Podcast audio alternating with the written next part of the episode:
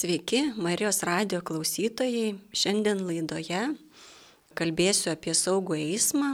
Laidą vesiu Vilniaus miesto antro policijos komisariato bendruomenės pareigūnė Diana Ponidzelskene. Laidoje šiandien būsiu viena, tai tiesiog pasistengsiu Jums pristatyti aktualias Lietuvoje eismo įvykių statistiką, pagrindinės priežastis, dėl ko įvyksta nelaimės ir galbūt pagrindinės taisyklės, ką mes galėtumėm padaryti, kad išvengtumėm eismo įvykių ir nelaimių. Tai šiais metais Lietuvoje įvyko 2513 eismo įvykių, kuriuose nukentėjo žmonės. Tai šiaip eismo įvykių būtų daugiau, bet čia jau yra paimta būtent tie eismo įvykiai su nukentėjusiais asmenimis. Tai iš tų eismo įvykių žuvo 128 žmonės, 2894 buvo sužeista. Kas žuvo, tai jeigu sukonkretinant, tai 69 vairuotojai, 11 dviratininkų, 21 pėstysis ir 20 keleivių. Iš sužeistų asmenų buvo 1046 vairuotojai, 356 dviratininkai, 576 pėstieji ir 747 keleiviai. Dėl vairuotojų kalties įvyko 1813 eismo įvykių, kuriuose žuvo 98 žmonės, buvo sužeista 2173 asmenys. Užvažiuotant pėsčiojo pėsčiųjų perėjose. Tai buvo 250 vienas atvejis, kuomet žuvo penki pėstieji, buvo sužeista 259 asmenys. Įvykiai dėl pėsčiųjų kalties, tai buvo 144 tokie įvykiai, 11 žuvo ir 145 buvo sužeista. Dėl dviratininkų kalties įvyko 205 įvykiai, 5 asmenys žuvo, 213 buvo sužeista. Dėl neblaivių vairuotojų kalties įvyko 132 eismo įvykiai. Ir kokios pagrindinės priežastys tų eismo įvykių, kuomet nukentėjo žmonės. Tai pirmoji vietoje saugaus greičio nepasirinkimas, reikalavimo duoti kelią nevykdymas, tai sankryžose arba keičiant važiavimo kryptį, saugaus atstumo nesilaikimas, pareigų pėstiesiems nevykdymas, tai čia kuomet vairuotojai nevykdo pareigų, įvažiavimas į prieš priešinio eismo juostą, lenkimo taisyklių pažeidimas, pačių pėsčiųjų padaryti pažeidimai, dviračių vairuotojų pažeidimai, reguliavimo signalų nesilaikimas, kelio ženklų ir ženklinimo nesilaikimas. Tai čia yra pagrindinės priežastys, dėl ko žuvo arba buvo sužaloti žmonės. E, gal šiek tiek lapkričio mėnesį pakomentuosiu, kokie buvo eismo įvykiai, gal šiek tiek sukonkretinant. Tai tarkim, peščiasis ėjo per gatvę, kur yra nenumatyta vieta kirsti gatvę, vaikas išbėgo į gatvę, autobuse krito asmuo, važiavo su dviračiu per raudoną šviesą, ėjo per greitkelį, perėjoje partrenkė, degaliniai eismo įvykis, nutrenkė asmenį, nes nepastebėjo, asmuo neturėjo atšvaitų. Aikštelėje buvo partrenktas asmuo ir pėsčiųjų perėjai buvo partrenktas paspirtukininkas. Tai dabar šiek tiek norėsiu galbūt priminti pagrindinės eismo taisyklės, ką mes galėtumėm padaryti, kad išvengtumėm tų nelaimių. Tai pas mus Lietuvoje visą eismą reguliuoja kelių eismo taisyklės ir galbūt pagrindinė tokia visų eismo dalyvių pareiga, kad elgesys yra grindžiamas tarpusavio pagarba ir atsargumu. Tai aš manau, kad jeigu šitas pagrindinis dalykas bus virš visų kelių eismo taisyklių, tai tikrai tų nelaimių galėtų sumažėti. Ir aišku, svarbu, kad patys eismo dalyviai nekeltų pavojaus kitų eismo dalyvių tiek saugumui, tiek aplinkai, nesudarytų jokių kliučių kitų eismo dalyvių saugumui ir stengtųsi sumažinti siekdami gal išvengti tam tikrų padarinių, stengtųsi imtis visų priemonių, kad neįvyktų tas eismo įvykis. Galbūt kas yra svarbu pėstiesiems, tai Vilniuje, manau, kad ir visuose didmieščiuose yra įrengta tiek šaligatvių, tiek pėsčiųjų takų, kur tikrai nėra kažkokios problemos žmonėm judėti palei gatvę. Kaimo vietovėse ir gal mažesniuose miesteliuose yra tam tikrų gatvių, kur nėra įrengta šaligatvė ir pėsčiųjų takų, tai tokiu atveju pėsčiasis turėtų eiti kelkraščiu prieš atvažiuojantį automobilį. Aišku, kartais ten sunku susirantuoti kairę ir dešinę pusę, bet jeigu aš žinosiu prieš atvažiuojantį automobilį, turiu judėti tą pusę, tai galbūt bus lengviau susiorientuoti. Kodėl reikėtų judėti prieš atvažiuojantį automobilį? Nes pasitaiko tokiu atveju, kad yra ir neblaivių vairuotojų ir aš jau eidamas palei gatvę ir matydamas, kad jau vairuotojas nedekvačiai vairuoja, aš tikrai galiu pasitraukti. Nes jeigu man tokia situacija iš nugaros, tai iš esmės aš nematyčiau ir net negalėčiau sureaguoti į tą situaciją. Dabar, jeigu yra šaligatvis įrengtas vienoje gatvės pusėje. Tai aš turėčiau judėti būtent tą pusę, kur yra įrengta šaligatvis. Nors man ir ten kažkur reikės pasukti, tai aišku galėsiu kirsti tą gatvę atitinkamu momentu, bet turėčiau eiti šaligatvi, bet ne kitą kelio pusę. Viena iš nelaimių priežasčių yra tai, kad tiek pėstieji suaugę, tiek vaikai į gatvę išeina ir išbėga būtent vietose, kur yra nenumatyta kirsti gatvę. Tai kokios yra vietos, kur aš galėčiau kirsti gatvę? Tai yra pėsčiųjų perėjos. Tai tiek reguliuojamo šviesoforų, tiek nereguliuojamo šviesoforų. Sankryžos. Didmėščiuose tikrai apstu tokių vietų, kur aš galiu surasti Aišku, būna tų situacijų, kai nesinori čia man pereiti gatvę arčiau, e, tam tikras objektas, į kurį einu ir iš patogumo žmogus renkasi tą variantą, kad aš kirsiu gatvę ten, kur nenumatyta, patingi prieiti iki sankryžos ar pešiųjų perėjos, kerta taip gatvę, aišku, sudaro kliūčių tiek pačiam vairuotojui, kuris taip pat kelių eismo taisyklės mokosi, žino, kad gautų vairavimo teisę. Ir tokiu atveju jis nesitikė, kad toj vietoje gali išeiti pėsčiasis. Ir ta jo reakcija būna na, kitokia, nes prieš pėsčiųjų perėję jis turėtų sulėtinti greitį ir jau žmogus na, tikisi, kad gali būti pėstieji. O čia yra vietos, kur nenumatyta eiti pėstiesiems, jis tiesiog nesitikė tokio dalyko. Jeigu imtumėm tarkim, mažesnius miestelius ar kaimo vietovės, tai vėlgi yra pagal kelių eismo taisyklės numatyta, kad aš galiu kirsti gatvę, bet tam tikrose vietose, tarkim, ne prie posūkio, kur aš gerai matyčiau į abi pusės, kad įsitikinčiau, kad tikrai yra saugu man pereiti gatvę ir tokiu atveju galiu kirsti gatvę. Aišku, dar irgi svarbus momentas, kad nebūtų prieš kalną, ar ten įkalnė, ar nuokalnė, kur tas mano ribotas matomumas. Tai vėlgi pasikartosiu, kad tikrai gerai matyčiau į abi gatvės pusės. Dar yra svarbus momentas einant per pėsčiųjų perėją, galbūt svarbiausias tas, kad prieš įžengiant į pėsčiųjų perėją turėčiau įsitikinti, kad tikrai man saugu bus pereiti gatvę. Aišku, pagal kelių eismo taisyklės, jeigu mane partrenkia vairuotojas nuo pėsčių perėjos, bus kaltas vairuotojas, būsiu teisus, bet toj situacijai, tarkim, lieku su negale, tai to kompensuoti vairuotojas tikrai ne vienas nebegalės pagal administracinį kodeksą privalo atlyginti gydimosi išlaidas, bet, pavyzdžiui, judėjimo funkcijos tikrai atstatyti negalės.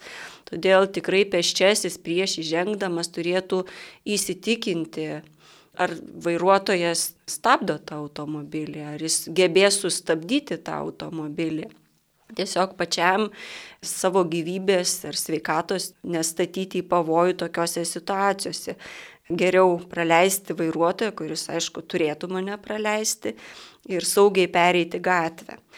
Dar svarbu galbūt momentas toks, kad Vilniuje ir kituose didmieščiuose yra tokių pešiųjų perėjų, kurios yra iš kelių eismo juostų. Tai tarkim ir tas pats Konstitucijos prospektas, ten keturios, gal šešios eismo juostos į vieną, į kitą kryptį. Labai svarbu einant viena eismo juosta, įsitikinu, kad tikrai saugu ir prieš įžengdamas į kitą eismo juostą taip pat įsitikint, kad nėra lekiančių automobilių vairuotojų, kur irgi būna eismo įvykiai, kai vienas vairuotojas sustoja praleidžia, o kitas nesustoja ir taip partrenkė pėščiai. Jeigu yra reguliuojama šviesoforų pėsčiųjų perėje, aišku, turėtumėm vadovauti šviesoforo signalais. Kartais žmogus sako, ai, nėra čia automobilių, ta raudona šviesa dega, kas čia tokio, kad aš pereisiu tą sankryžą ar pešių perėją tokioje situacijoje. Tai aš manau, žiūrint, kaip žiūrėsi į tą situaciją, gali stovėdamas prie raudono šviesoforo tiesiog laukti ir taip ugdai kantrybę, kantrybės darybę, arba tu gali tiesiog eiti per tą raudoną šviesą ir rizikuoti galbūt tu ten neapsižiūrėjai, tuo metu lėkia automobilis ir, ir jis tave partrenks. Dar norėčiau galbūt priminti tokį dalyką, dėl ko iš vis tos kelių eismo taisyklės atsirado. Kadangi čia jau prieš kiek, reiškia, tuo amžių atsirado ir eismas, ir buvo poreikis reguliuoti tą eismą ir dėl bendro gėrio, kad gerbtų tiek vienas eismo dalyvis, tiek kitas eismo dalyvis vienas kitą. Tai dėl to buvo sukurtos tos kelių eismo taisyklės, kad nebūtų chaoso, kad žmonės žinotų, kaip ir kur kas turėtų judėti ir kas turi tą pirmumo teisę. Ir jeigu aš žinosiu, kad laikydamasis tam tikros taisyklės, tarkim, neinu per raudoną šviesą, aš tokiu atveju gerbiu vairuotojus, kuriem tuo metu dega žalia šviesoforo šviesa ir jie tikrai netrukdomi, netrikdomi gali važiuoti degant jiems leidžiamai šviesai. Dar galbūt norėčiau priminti dėl irgi didelių tų pėsčiųjų perėjų, kur susideda iš dviejų dalių. Tarkim, viena eismo kryptimi vienas šviesoforas dega, kita eismo kryptimi vėl jau kitas šviesoforas. Tai tokiuose perėjose ar sangrižose būna saugumo salelė, kur, na, išmintingiau palaukti, kada užsidegs kitoj daly žalia šviesa, nes būna pėstieji nori kuo skubiau praeiti tą gatvę, nors mato, kad jau nebespės, tai bėga ir kuo greičiau bando praeiti tą gatvę. Svarbu įvertinti savo galimybės, tarkim, jeigu yra pagyvenęs asmuo, jo judėjimas yra sulėtintas, Tai praėjau tą žalę šviesą vienoje atkarpoje, kitoje atkarpoje palaukiu, kada vėl užsidegs man žalia šviesa. Galbūt irgi dar svarbus momentas, kad nors ir užsidega man žalio šviesoforo signalas, aš vis tiek turėčiau apsidairyti ir įsitikinti, kad tikrai saugu. Nes būna tokiu atveju, kai tarkim neblaivus vairuotojas ir jis tikrai nemato, kas vyksta gatvėje ir jis gali pravažiuoti degant jam raudonam šviesoforo signalui ir tiesiog įvykti eismo įvykis. Tai vėlgi nu, atrodytų taip, aš būsiu teisus toj situacijoje, jau per žalę šviesą mano pirmumo teisė, bet įvykus eismo įvykiui tai gali būti ir tragiški padariniai. Dar kitas svarbus momentas - pėsčiųjų perėjos būna dar požeminės ir viržeminės perėjos. Tai pas mus čia Vilniuje Konstitucijos prospekte yra dabar tvarkoma požeminė perėja. Tai ne vienas atvejis, kai pėstieji tingi paeiti iki sankryžos ir pereiti gatvę, jie tiesiog eina virš gatvės tam neskirtoj vietoje ir, ir tarp transporto priemonių naršo, kuomet tiem patiem vairuotojams yra nesaugu, kad ant pėsčio neužvažiuoti. Tai jeigu yra požeminė perėja, tai reikėtų eiti per požeminę perėją, nors būna tokių variantų, atrodytų, paminėjau tą atvejį, kad yra tvarkoma, ten reikėtų kažkur paeiti, bet būna tokiu atveju, kai požeminė perėja yra, bet žmogus tingi leistis. Na, gal čia daugiau aktualu jaunimui, kurie galvo, na, čia bus greičiau, kam čia man eiti, dar ten po žemėm eiti. Čia yra paprasčiau ir greičiau. Tai reikėtų vis dėlto, jeigu yra ta požeminė perėja, eiti per perėją. Nes požeminės perėjos yra rengiamos tose vietose, kur yra judrios gatvės, iš daugiau eismo juostų. Tai tikrai pėstiesiems patiems yra saugiau eiti tokią perėją. Tai identiškai tai galioja ir virš žeminiam perėjom, tai vėlgi jeigu yra viržėminė perėja, renkuosi eiti ten, bet nekirsti gatvę, kur nėra tam skirta vieta. Dar norėčiau atkreipti dėmesį pėstiesiems. Galbūt ženklinimas, nežinau, pabandysiu papasakoti, yra nereguliuojama pėsčiųjų perė. Jis žymima tam tikrų kelio ženklų ir yra ženklinimas ant asfalto, taip vadinamas zebras. Ir būna taip, kad sankryžose arba susikirtimas pešių perėje ir būna su dviračių taku. Tai ne visi žmonės žino, kad jeigu sankryžoje yra pėsčiųjų perėjos ribos, tai jos yra žymimos tokiais stačiakampiais baltais. Dviračių tako susikirtimas žymimas kvadratais. Ir būna taip, kad tu pastebi, kad pėstieji eina, net nežiūri, kur mato sankryžą, eina dviračių taku visiškai netkreipdami tai dėmesio. Tokiu atveju, jeigu, tarkim, žmogus ėjo dviračių taku ir ant jo užvažiavo dviratininkas, iš esmės įvykus tokiam eismo įvykiui būtų kaltas pėsčiasis. Tai tikrai reikėtų atkreipti dėmesį, kur aš einu ir kaip aš einu. Dar kitos situacijos galbūt svarbiau dviratininkam jeigu yra pėsčiųjų perėja, bet nėra susikirtimo su dviračių juosta, dviračių taku, tokiu atveju dviratininkas turėtų elgtis kaip pėsčiasis. Tai reiškia, kad nulipa nuo dviračio ir persivaro gatvę per pėsčiųjų perėją ar per sankryžą pėsčiomis praeina. Tai va čia būna irgi viena iš nelaimių priežasčių, kai vairuotojas nesureaguoja kaip elgsis dviratininkas. Jis, tarkim, važiuoja palei gatvę ir ar jis važiuos tiesiai, ar jis nori sukti, ar jis dar kažką kitą darys. Ir tiesiog taip staigiai neria į gatvę, vairuotojas nesureaguoja ir partrenkia dviratininką va tokiose situacijose. Dar kas svarbu dviratininkam, tai tamsių paros metu yra labai svarbu, kad dviratis turėtų tiek priekį baltą, tiek gale raudoną žibintus ir kurie būtų įjungti. Taip pat ant ratų stipinų būtų šoniniai tie oranžiniai atšvaitukai. Būtina liemenė tamsių paros metu, nes vairuotojai važiuodami, tarkim, gatve, nespėja pastebėti dviratininko, nespėja sureaguoti ir laiku sustabdyti. Dar viena iš nelaimių priežasčių, kuomet dviratininkas keičia važiavimo kryptį. Jis tarkim važiuoja dešiniu kraštu ir sugalvoja sukti į kairę. Ir jisai taip staigiai neria į kitą eismo juostą, tuo metu vairuotojas nespėja sureaguoti ir partrenkė dviratininką. Tai tokiose situacijose, kai man reikia sukti į kairę pusę, tai išmintingiausia privažiavus perėję perėję persivesti, tarkim, dviratį ar privažiavus sankryžą, būtent jeigu ten yra dviračių takas pravažiuoti, arba persivesti dviratį vėlgi per sankryžą. Tai čia būtų galbūt viena iš galimybių, kuomet būtų išvengta tų eismo nelaimių. Arba jau tokia atveju, kad man reikia pasukti į kairę pusę, tikrai na, nėra kitos galimybės, tai aš turėčiau tikrai įsitikinti, bus saugu, bet aišku, dviratininkas turi ir pasisukti, ir persikreipti, vėlgi šitoje situacijoje nėra taip saugu.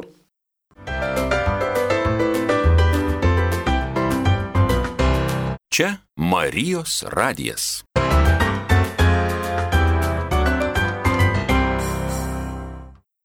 Tai šiandien laidoje Apie saugų eismą kalba Diana Ponidzelskė, antro policijos komisariato bendruomenės pareigūnė. Ir kalbamės apie pagrindinius dalykus, kaip išvengti nelaimių ir kad mes būtumėm saugus keliuose. Dar norėčiau priminti tokį dalyką, kad einant tą pačią pėsčiųjų perėją, labai svarbu, kad tą dėmesį, koncentraciją turėčiau į gatvę, kas vyksta. Galbūt tai aktualiau jauniems žmonėms, kurie naudojasi mobiliais telefonais. Tai būna taip, kad žmogus visą dėmesį turi į telefoną, net nežiūri, kas vyksta, kas važiuoja gatve, jis tiesiog eina, išeina į perę, bent pamatė, kad tai yra perėje ir išeina į gatvę. Tai einant gatve, mano dėmesys turėtų būti į gatvę, kas joje vyksta, bet ne į telefoną. Nes vėlgi jaunimui tai viena iš nelaimių priežasčių, kuomet neapsidairę išeina. į gatvę. Dar norėčiau atkreipti dėmesį, kad einant per sankryžas būna keli net šviesoforai. Tarkim, vienas yra skirtas transportui, kitas skirtas pėstiesiems. Tai būna taip, kad žmogus pamatė, užsidegė žalia šviesa, bet nepastebėjo, kad dar yra vienas šviesoforas, būtent skirtas pėstiesiems. Tai turėčiau apsidairyti ir įsitikinti, kiek tų šviesoforų, jeigu yra tas pėsčiojo šviesoforas, matau, kad dega raudonas žmogeliukas, tai laukiu žalio žmogeliuko.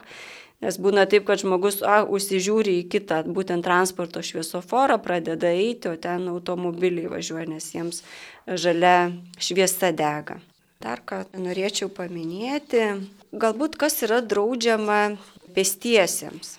Tai yra tam tikros vietos, kur pėstiesiems draudžiama atlikti tam tikrus veiksmus. Tai gatvėse, kur yra atitvarai.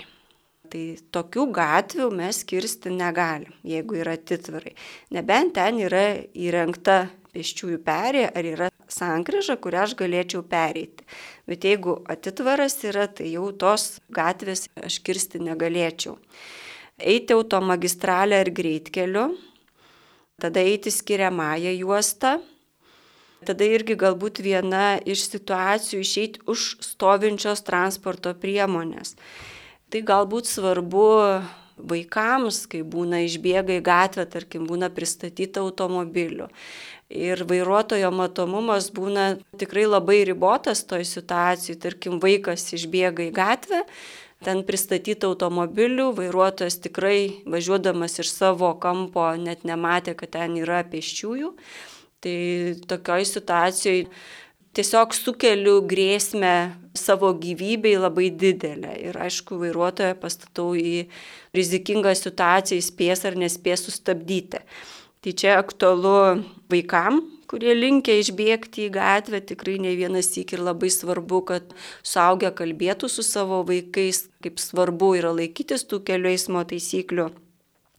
Ir suaugusiem asmenim vėlgi pasikartosiu, kad neiti per gatvę ten, kur nėra skirtų vietų. Galbūt irgi svarbus momentas didmieščiuose, dažnai prieš perėjas yra statomi automobiliai pagal kelių eismo taisyklės yra 5 metrai iki pėsčiųjų perėjos, bet vis tiek tą matomumą riboja pristatyti automobiliai. Tai tiek patys vairuotojai turėtų pristabdyti, jau matydami, kad tas matomumas yra jų ribotas, tiek pėstieji išeiti šiek tiek į pėsčiųjų perėją, kad vairuotojas juos pamatytų ir tada įsitikinti, kad tikrai yra saugu ir tada kirsti gatvę eiti dviračių takais. Pėstiesiems svarbu, kad atkreipti dėmesį būna, tarkim, pėsčiųjų dviračių takas, tai ta pusė aš turėčiau eiti, kur yra nupiešti pėstieji nes būna dviejopas ženklinimas, tarkim, padalinta per pusę kelio ženklas, tai tada orientuojuosi tą pusę, kur yra man skirta ta juosta, ar, ar dviratininkas esu, ar pėsčiasis. Jeigu horizontaliai padalinta, tai tokiu atveju yra skirta tiek vieniems, tiek kitiems, bet turėčiau eiti dešinėje pusę, kuo arčiau to dešinio krašto. Tai čia reikėtų atkreipti tai dėmesį. Dar svarbu įvykus eismo įvykiui nepasišalinti iš eismo įvykio vietos. Irgi svarbus momentas važiuoti riedučiais, riedlentėm, paspirtukais be variklio važiuojamąją dalimi. Šiek tiek norėčiau pakomentuoti dėl paspirtukų. Tai paspirtukai, jeigu be variklio, tai jie yra prilyginami pėsčiajam. Tai reiškia visi reikalavimai tokie kaip pėstiesiams. Reiškia, dviračių takais aš važiuoti negaliu paspirtukų be variklio, galiu važiuoti šaligatviu, per perėjas vėlgi elgiuosi kaip pėsčiasis, persivedu tą paspirtuką. Riedučiai ir riedlentės vėlgi yra kaip pėsčiasis. Tuo tarpu elektriniai paspirtukai, kurie tikrai kelia dabar didelį susirūpinimą, kadangi yra žuvusių ne vienas elektrinio paspirtuko vairuotojas, tai norėčiau priminti, kad paspirtukai yra tas pats, kas dviratininkai. Jiem galioja tos pačios kelių eismo taisyklės. Dabar pakomentuosiu tam tikras situacijas. Tarkim, žmogus nori važiuoti elektriniu paspirtuku, yra gatvė, ir yra įrengtas dviračių takas. Tokiu atveju jis gali važiuoti tik dviračių taku, jis gatve važiuoti negali. Jeigu yra, tarkim, gatvė ir šaligatvis, tokioje situacijoje jis gali važiuoti tiek šaligatviu, tiek gatve. Tačiau važiuojant šaligatviu jam yra tam tikri reikalavimai. Tai važiuojant šaligatviu aš turiu važiuoti 3-7 km per valandą greičiu, pravažiuodamas pro pėsčiuosius. Jeigu pėsčiųjų nėra, tai man tų ribojimų nėra, bet važiuojant pro pėsčiuosius aš turiu užtikrinti pėsčiųjų saugumą. Nes tuo atveju įvykus nelaimiai būtų kaltas elektrinio paspirtuko vairuotojas. Nes jeigu aš važiuoju šalygatviu, turiu įvertinti tai, kad gali ar vaikas išbėgti, pakeisti kryptis taigiai pėsčiasis. Tai turiu taip susilėtinti, kad aš užtikrinčiau, kad neįvažiuočiau į pėščiai. Dabar jeigu Kaip sakiau, dviračių tako nėra, aš važiuot galiu tiek šalygatviu, kaip paminėjau, su tam tikrom sąlygom, arba galiu važiuoti gatve. Bet vėlgi gatve aš turiu važiuoti kuo arčiau dešinio krašto. Tai nereiškia, kad aš per vidurį gatvės galiu važiuoti, turiu laikytis tos dešinės pusės. Vėlgi elektrinių paspirtukų vairuotojai. Greitis jų yra didesnis, tai vėl sukelia galbūt tam tikras pavojingas situacijas. Gal kelias paminėsiu. Tarkim, važiuoja elektrinio paspirtuko vairuotojas ar šalygatvė ar dviračių taku, kur yra išvažiavimai iš kiemų. Vairuotojas važiuodamas iš kiemo jam dažniausiai būna ribotas matomumas, kadangi pastato dalys užstoja tam tikrus kampus. Aišku, jis iš savo pusės turėtų įsitikinti, važiuoti gan lietai, įsitikinti, kad tikrai saugu pastebi tiek dviratininkus, tiek elektrinio paspirtuko vairuotojus, tačiau ir elektrinio paspirtuko vairuotojai turėtų pasirūpinti savo saugumu tose situacijose, kad vairuotojas tiek įsukdamas gali nepastebėti, kadangi greitis pakankamai didelis elektrinio paspirtuko ir jis gali dideliu greičiu prijudėti, kuomet vairuotojas nespėjo susiorientuoti toj situacijoje. Tai reikėtų abiem pusėm įsitikinti, kad tikrai yra saugu, nes nuo tos yra labai pavojingos situacijos ir keičiant kryptį.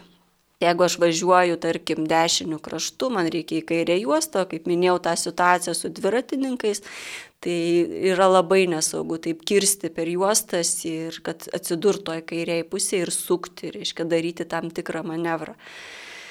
Galbūt dar ne visi žino, kad, tarkim, elektrinis paspirtukas, kuris važiuoja iki 25 km per valandą greičiu, jam galioja dviratininko taisyklės. Tačiau elektrinis paspirtukas, kurio greitis yra daugiau negu 25 km per valandą greičiu, jam jau dviratininko taisyklės negalioja. Jis privalo važiuoti gatve ir jam jau galioja visai kitos taisyklės kaip vairuotojams galioja tose situacijose. Šito dalyko ne visi žino, tikrai ne vienas atvejis teko matyti, kuomet galingi tie paspirtukininkai važiuoja dviračių takais, nes jiems yra patogu. Bet tose situacijose jie kelia pavojų kitiems eismo dalyviams. Dar trumpai gal paminėsiu, kad tarkim, nors turiu pirmumo teisę, yra pešiųjų perėję, tarkim, šviesoforas dega žalės, tačiau važiuoja transportas, greitoji pagalba, policijos tarnybinis automobilis ar gaisrinė su šviturėliais. E, tose situacijose aš neturėčiau įžengti į perėją, o praleisti tą tarnybinį transportą, kuris dažniausiai skuba į tam tikrus įvykius. Kitas dalykas, galbūt pėstieji nesusimasto apie tokias situacijas, kad tarkim eina su mažais vaikais, su savo nepilnamečiais ir kerta gatvę na, netinkamose vietose. Pirmas dalykas, jie yra pavyzdys savo vaikui ir vaikai matydami tokį suaugusio pavyzdį, seko tokiu pavyzdžiu. Aišku, vienas gali sekti, vienas nepasirinkti, bet jeigu tėvai rodo tokį pavyzdį, tai dažniausiai vaikas taip ir elgesi. Arba net mes galim būti tie netiesioginiai blogi pavyzdžiai, kur, pavyzdžiui, aš kirtu gatvę, o kitas ten stovi nepilnametis, matydamas, kad va čia suaugę eina ir aš galiu taip elgtis. Tai net nežinodamas to galiu tikrai parodyti tam tikrą netinkamą pavyzdį. Galbūt dar paminėsiu tokias situacijas, tarkim, išvažiavimai iš automobilių stovėjimo aikštelių, daugiabučių kiemų. Tai tarkim, reikia važiuoti vairuotojų iš stovėjimo vietos. Tai tokiu atveju pirmumo teisę turi pėsčiasis. Bet vėlgi reikėtų įsitikinti abiem pusėm. Tiek vairuotojui reikėtų apsidairyti, pasižiūrėti, nes aišku, pavojinga galiu nesužiūrėti, tiek pačiam pėsčiajam, matant, kad vairuotojas pradėjo judėti, nepiknaudžiauti tą savo pirmumo teisę ir tiesiog piktybiškai eiti pro išvažiuojantį automobilį, nes aš esu teisus ir nu tokiu atveju įvyksta tas eismo įvykis. Bet pagal tas kelių eismo taisyklės, tai daugiabučių namų kiemai, automobilio stovėjimo aikštelis ir gyvenamos zonos, tai pirmumo teisę turi pėstieji. Kitas yra svarbus momentas, tai atšvaitai. Dabar tas visas periodas yra tamsusis, tai tiek pėstieji, tiek dviratininkai, eidami tamsių paros metu, privalo turėti atšvaitą. Kaip geriausia tą atšvaitą sėgėti, tai mano gal toks praktiškas patarimas, visi mes turim striukę ar paltą ir prie kišenės dažniausiai būna užtrauktukas arba galiu prisekti sektuku, tiesiog prisisegu prie kišenės idealiausias variantas yra prie abiejų kišenių, tokiu atveju aš būsiu matomas iš visų pusių. Ir tas atšvaitas yra visą laiką su manim, kur aš be išeičiau. Tokiu atveju, nu, kaip garantas, kad aš būčiau matomas tamsoje. Nes kaip pradžioj minėjau, kad būna atveju, kai vairuotojas nepastebi ar dviratininko ar pėsčiojo, nes yra tamsu, priartėja dideliu greičiu ir tada nespėja sustabdyti ar pakeistos važiavimo krypties.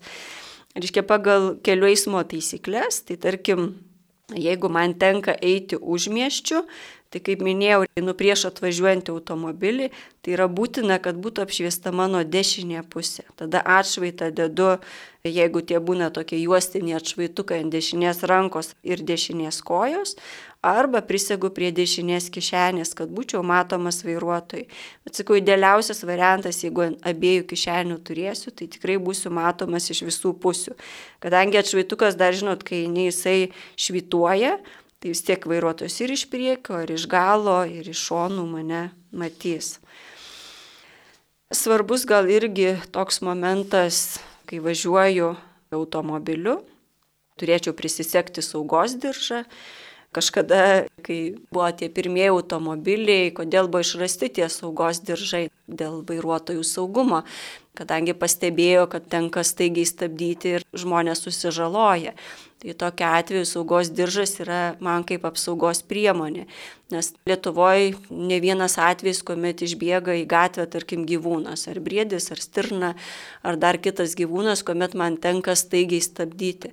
Tai tokiu atveju, jeigu būčiau be saugos diržo, tai aš galiu iškristi pro langą ir yra tokia atveju, kuomet iškritus pro langą po to užtriškia pats automobilis tą vairuotoją. Tai važiuojant automobiliu turėčiau segėti saugos diržą. Svarbus irgi momentas laukimas autobuso stotelėse.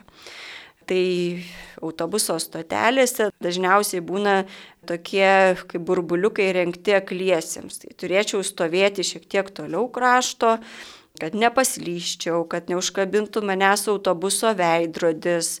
Ir yra tokia atveju, kai net ir peščiasis žiemos metu paslydo ir pateko po troleibuso ratais ir žuvo. Tai vėlgi per arti stovint yra didesnis pavojus. Kitas momentas galbūt paminėsiu dėl autobusų.